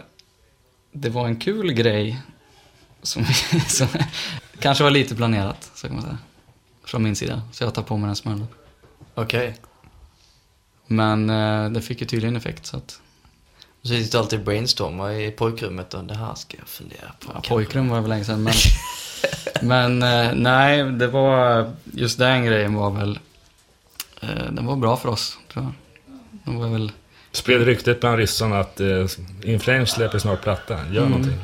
Jag vet inte riktigt om det var ryssarna som blev taget för det. Kanske Eller Något ryk- Ukraina eller någonting. ryk, rykte som blev uppkom sen. Men eh, ja, nej, det var, Ja, lyckat var det det var, väl? det var lite spännande kan jag säga. Jag blev, nerringda journalister och sådär. Så. Finns det så här eh, jobbiga tillfällen där inte du har haft någon kontroll och varit tvungen att lösa det direkt? Liksom bara, oj, attans, det här var inte så himla bra. Några ett så här specifika exempel? Nu tänker du på eh, något som har hänt med bandet? Och så? Ja, precis. Framförallt det. Nej, alltså det är, ju väl, det är ju inga skandaler runt om så, men anekdoter. Det finns väl en del sådana här halvt, halvt om halvt oskyldiga grejer, men eh, jag minns första gången jag var med dem i Japan. Det var väl då man fick, en av många gånger, som man har fått lite så här aha-upplevelser när man är med i Flames. Men vi stod och var på Loud Park tror jag, den festivalen. Och så stod vi och kollade på när Slayer spelade på sidan av scen och eh, Sebastian Bach stod framför oss. Eh, han är ju ganska lång kar om man säger så. Så han skymde väl sikten lite grann. Men, eh, ja, och så var det väl under Raining Blood eller någonting, när det är ett långt, långt intro. Så går eh, Kerry King av scen, för vi stod precis bredvid hans eh, stärk och ja, det hans gitarr. Så går han av och Sebastian Bach liksom Hey man! Upp med näven och ska liksom high-fivea Carrie. Han bara nickar lite disträ, går förbi Sebastian Bach, fram till Björn. Hello Björn! Och ger han en stor kram. och då blir jag bara, jaha. Så det var väl lite sån här halv... Ja, men Kerry King är ju så här, en, han gillar så här ex, extrem musik faktiskt. Det är klart han spelar ju ett extremt eh, band, men Ja. en stort Haunted-fan har jag fått reda på. Så Ja, han han är omväg. jättestort In Flames-fan också. Han, de gånger man träffar honom så babblar han ju på om In Flames hela tiden. Så att det är, ju- och Björn och han är ju polare sådär, så att det, det var en liten udda upplevelse kan man säga.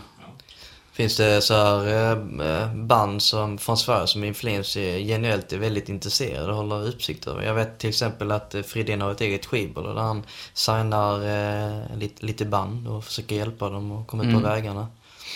Alltså, Anders är ju väldigt duktig på att hitta ny musik. Så eh, han har ju alltid något nytt på gång liksom. Uh, Death Ray Boot är ett band som han har kollat in nu senaste som är riktigt bra. Uh, Port Noir och de där. Så eh, om det är något band specifikt som In Flames diggar så vet jag inte men de har, de hela tiden hittar ju ny musik, alltså både Anders och Nicke och de, de är ju grymma på att sitta och dammsuga YouTube och efter det nya, nya heta, så att säga. Så det, det är alltid någonting nytt. För nu är det väl så här typ, eh, nu Inflame är så pass stora att de kan headlina i princip Mm. överallt. Så att de inte är benägna kanske att annan akt. Om inte det kommer ut så här, typ, nu säger jag inte Kiss skulle komma ut, men om Black Sabbath säger typ nu ska vi ta Inflames på eh, Europaturnén, då kanske man liksom tänker andra.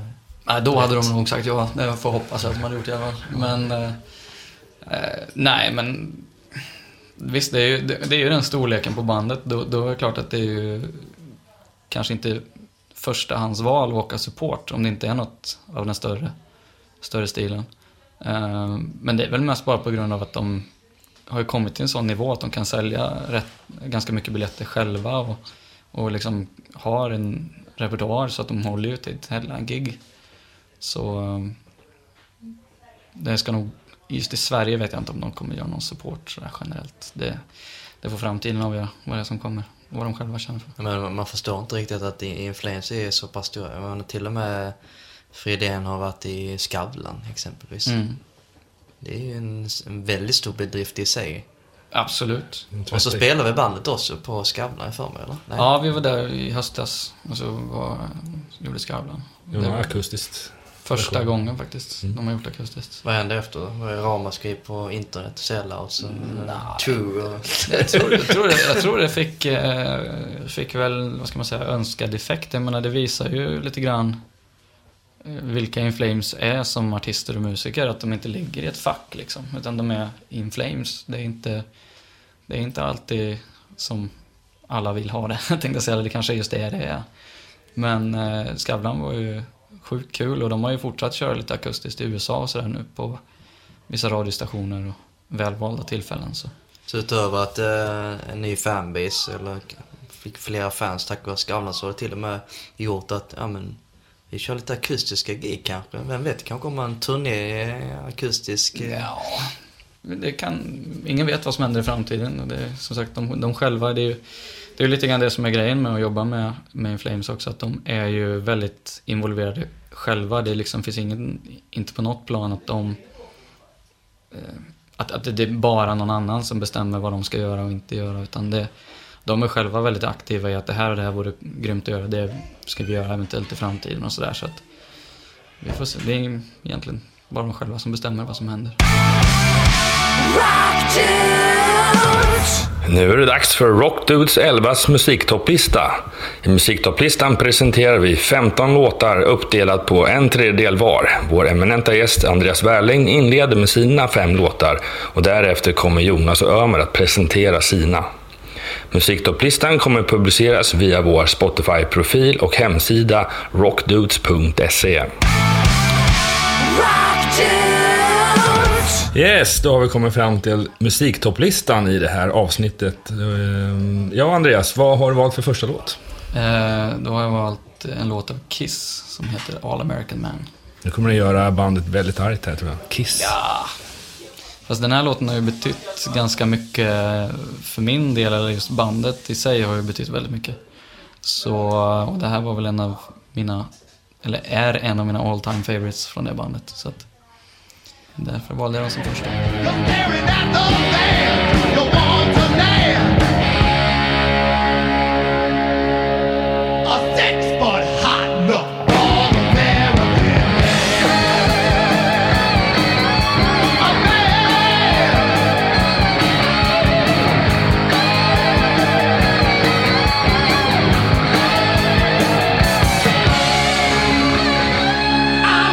Yes, det var Kiss med All American Man.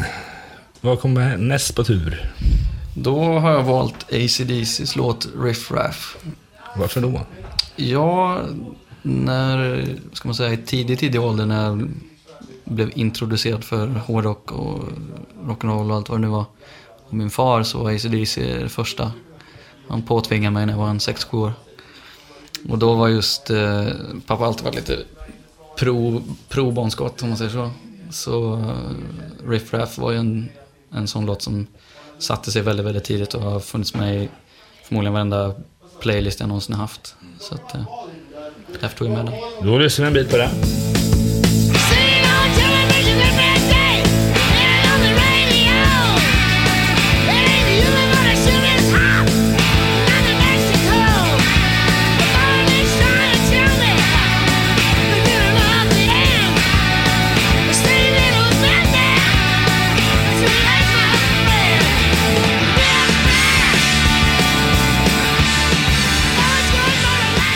Yes, det var alltså eh, tidigare låt med ACDC, Riff Raff. Eh, som tredje låt, vad har vi då? Eh, Helicopters. Ett svenskt band. Ja, låten I wanna touch. Um, Helicopters är väl ett sånt band som... Ja, det var väl de som var tvungna att stå ut med mig när jag var yngre tror jag. Jag stod och hängde bakom scen och utanför bussar och allt vad det nu var. Eh, men det var nog det första svenska bandet som jag fastnade extremt mycket för. Just för eh, ja, musiken framförallt. Liksom, med tydliga influenser av Kiss och sån där MC5 och sånt som var kul. Yes, då tar vi och lyssnar en bit på den.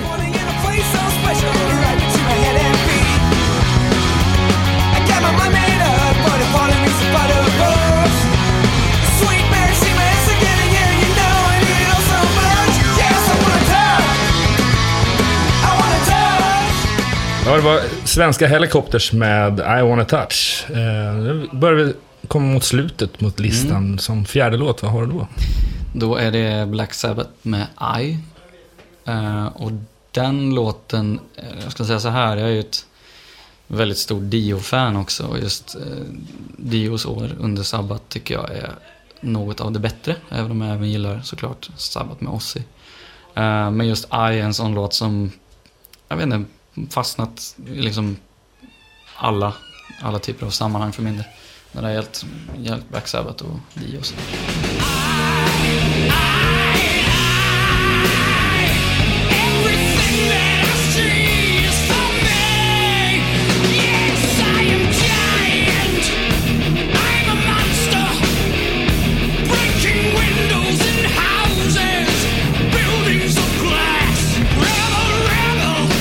Alltså Black Sabbath med låten I och med Ronnie James Dio. Ehm, det det var en låt kvar. Du har... Mm.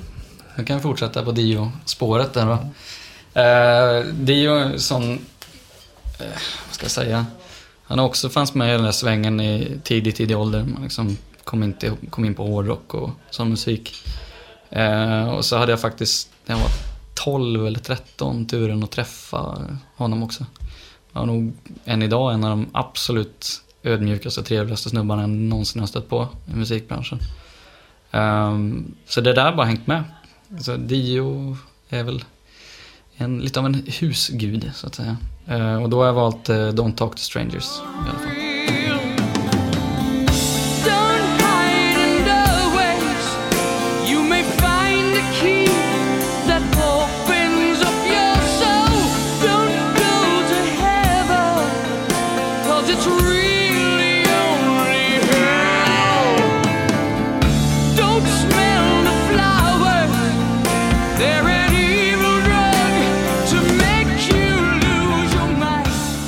Vi har gjort lite annorlunda denna gången med tanke på att eh, vi kände att vi kan inte bara ha In Flames-låtar.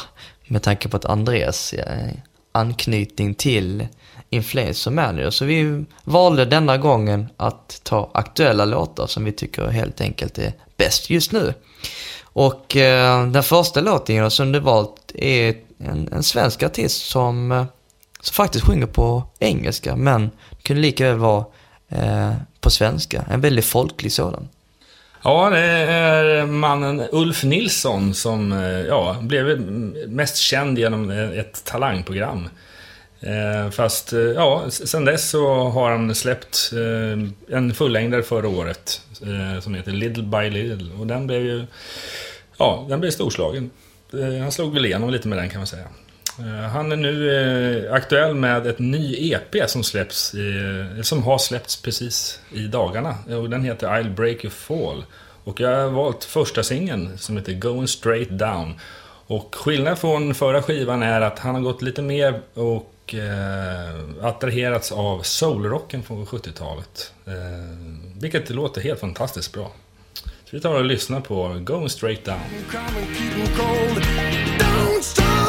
I'm so straight down.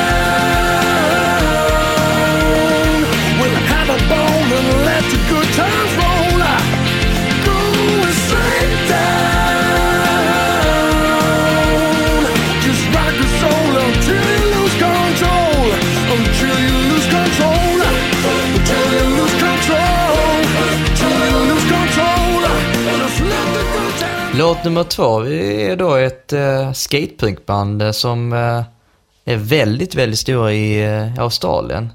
Hör och häpna. Och eh, Jonas, eh, vad har du för anknytning till den här låten? Jag lyssnar mycket på Millencolin som jag har valt nu då. Eh, lyssnade på det väldigt mycket på 90-talet när de slog igenom och med dunder och brak och sådär. Och eh, såg dem ett flertal gånger på Hultsfestivalen bland annat. Ja, det är bara riktigt skön musik. Det är sån där musik som man alltid ska med på alla eh, festplaylists så att säga. Det tycker jag. De har ju precis för en månad sedan släppt en ny skiva som heter The Brew. Och jag har valt en av låtarna som heter Sense and Sensibility. Och, eh, det man får direkt uh, déjà vu upplevelse tillbaka till 90-talet. Och de är precis lika bra nu, om inte ännu bättre. Eh,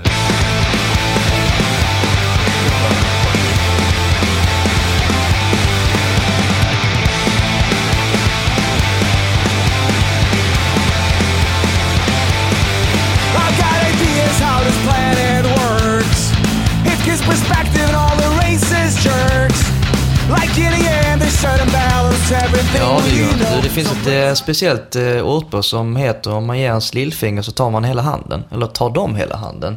Det här bandet eh, har ju någon form av anknytning till en av fingrarna. Ja, det är lite mer fuck off över dem kan man säga. Göteborgsbandet Långfinger, eh, som för några månader sedan släppte en ny singel som heter Mangas Coloradas. Ja, verkligen. Ja, det gillar man den här klassiska eh, 70-talsrocken eh, så älskar man verkligen Långfinger. Och, eh, ja, de släpper lite låtar då och då, men det här är, ja, den, den är precis lika bra. Den är en typisk Långfingerlåt. Så, fuck off!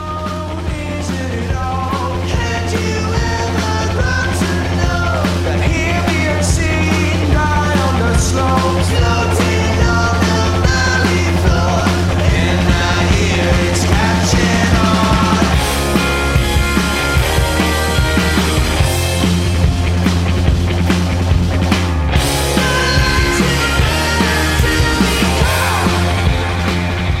vi till den fjärde låten och det här är ett amerikanskt band vars eh, publik faktiskt eh, kan man tänka sig eh, kommer bara från USA. Men de, har, de är här titt som tätt ganska ofta faktiskt. Och det känns som att eh, vi svenska fans verkligen gillar det här bandet. Därav att de kommer hit där titt som tätt. Vilka är det här Jonas? Vi pratar om Hailstorm och med Lizzie Hale i- fronten. En kvinnlig frontfigur som eh, har en, eh, ja, kan man säga, magisk röst. Så har man inte tagit i för lite i varje fall.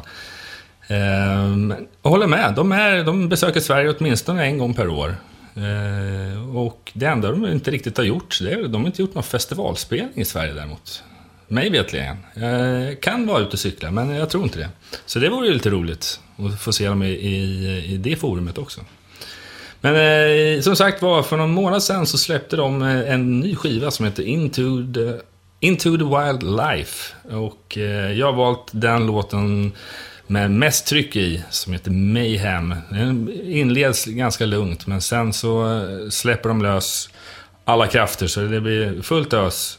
Precis så som jag tycker Hailstone gör som bäst.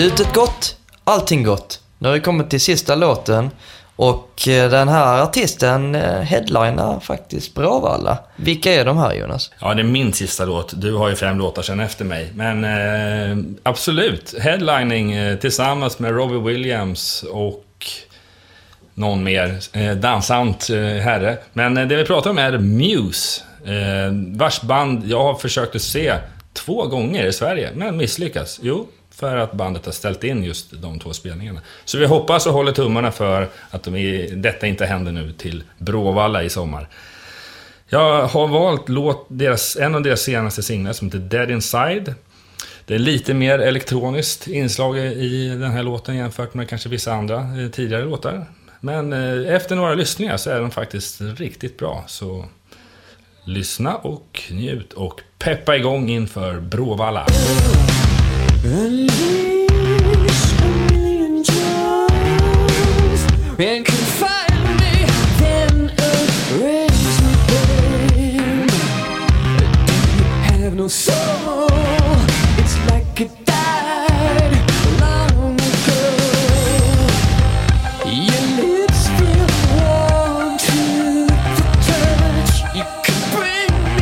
Ja, det här var alltså Muse med Dead Inside, det vill säga min sista låt. Så nu ska vi gå över till Sidekicken Ömers topp 5 hitlist-material. Eh, Vad börjar vi med?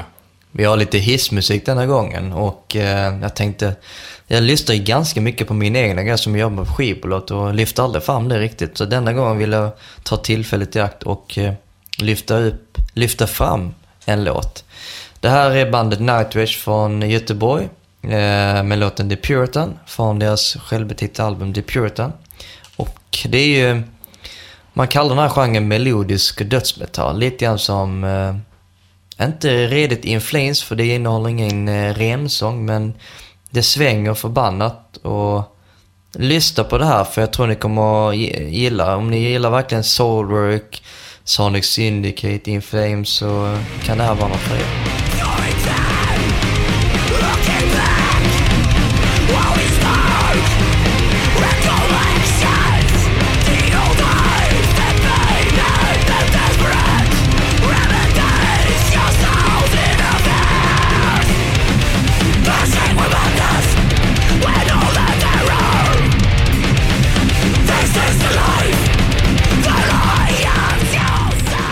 Det Night Ridge med The Puritan.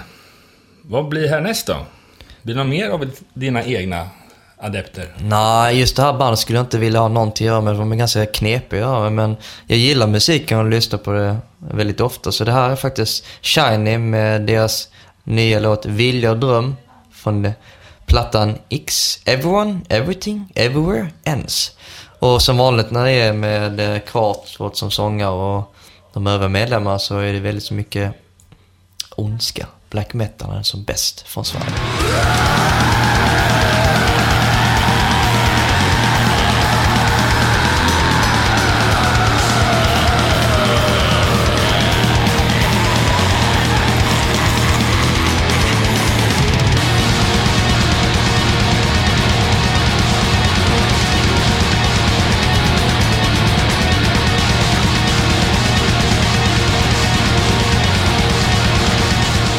Läskigt det här med black metal, men det här var ju ett svenskt black metal-band, Shining med Vilja och Dröm. Vad tar vi som mittenlåt på listan? Jag tänker jag kör vidare på det här med eh, svenska band och vill gärna lyfta upp eh, den här, eh, det här bandet, Tribulation, med låten Melancholia från plattan Chill of Night. Eh, det här har varit ett undergroundband som eh, nu har eh, kommit upp sig lite grann inom mediasammanhang. Det skrevs väldigt mycket. Med all ära med tanke på att det är ett väldigt bra band. Gillar man eh, rock och metal, den här fusion grejen så ska man checka in det. De är värda det helt enkelt.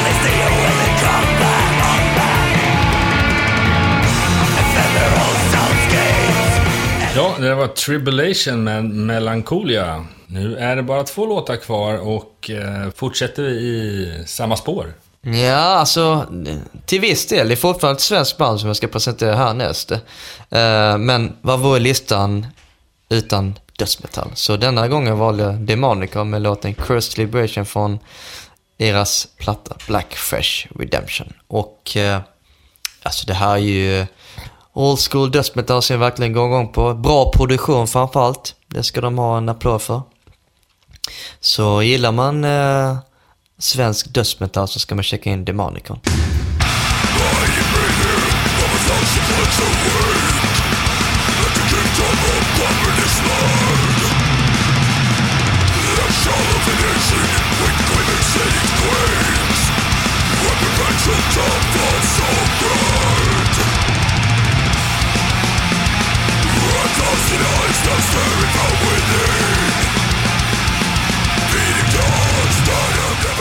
Sådär ja.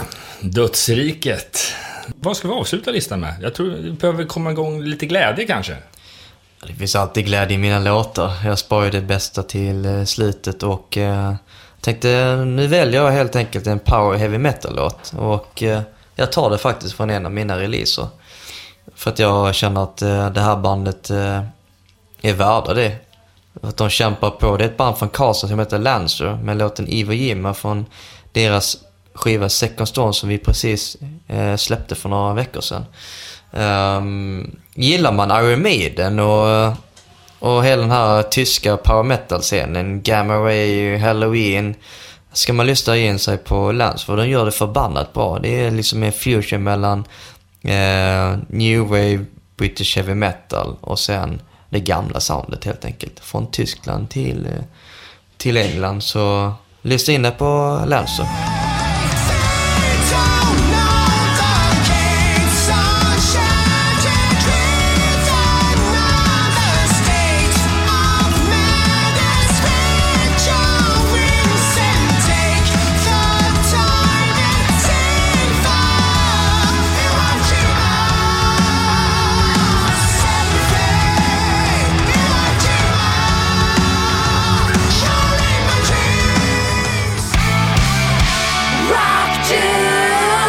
Yes, det där var det här avsnittets musiktopplista. Eh, där Andreas bland annat har haft låtar med både Ronnie James Dio och Helicopters. Eh, det här har varit ett avsnitt som har varit väldigt lärorikt. Jag har varit väldigt nyfiken på det här med eh, sociala me- medier och marknadsföring.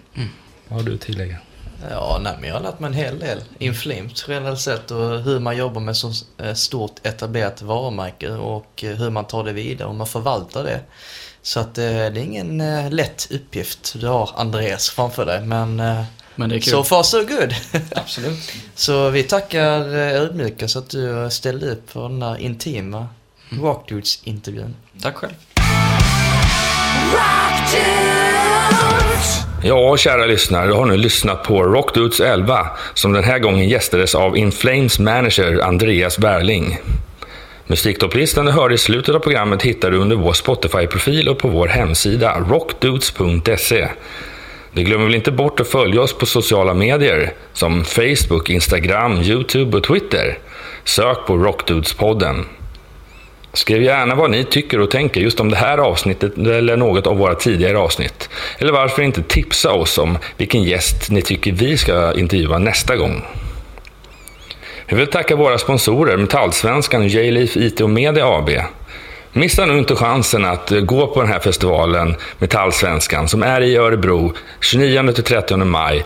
Du kommer att se, förutom en hejdundrandes fotbollsturnering, kommer du se på scen band som Motorhead, Raised Fist, Behemoth och Corroded bland annat. Mer info finner du på metallsvenskan.se.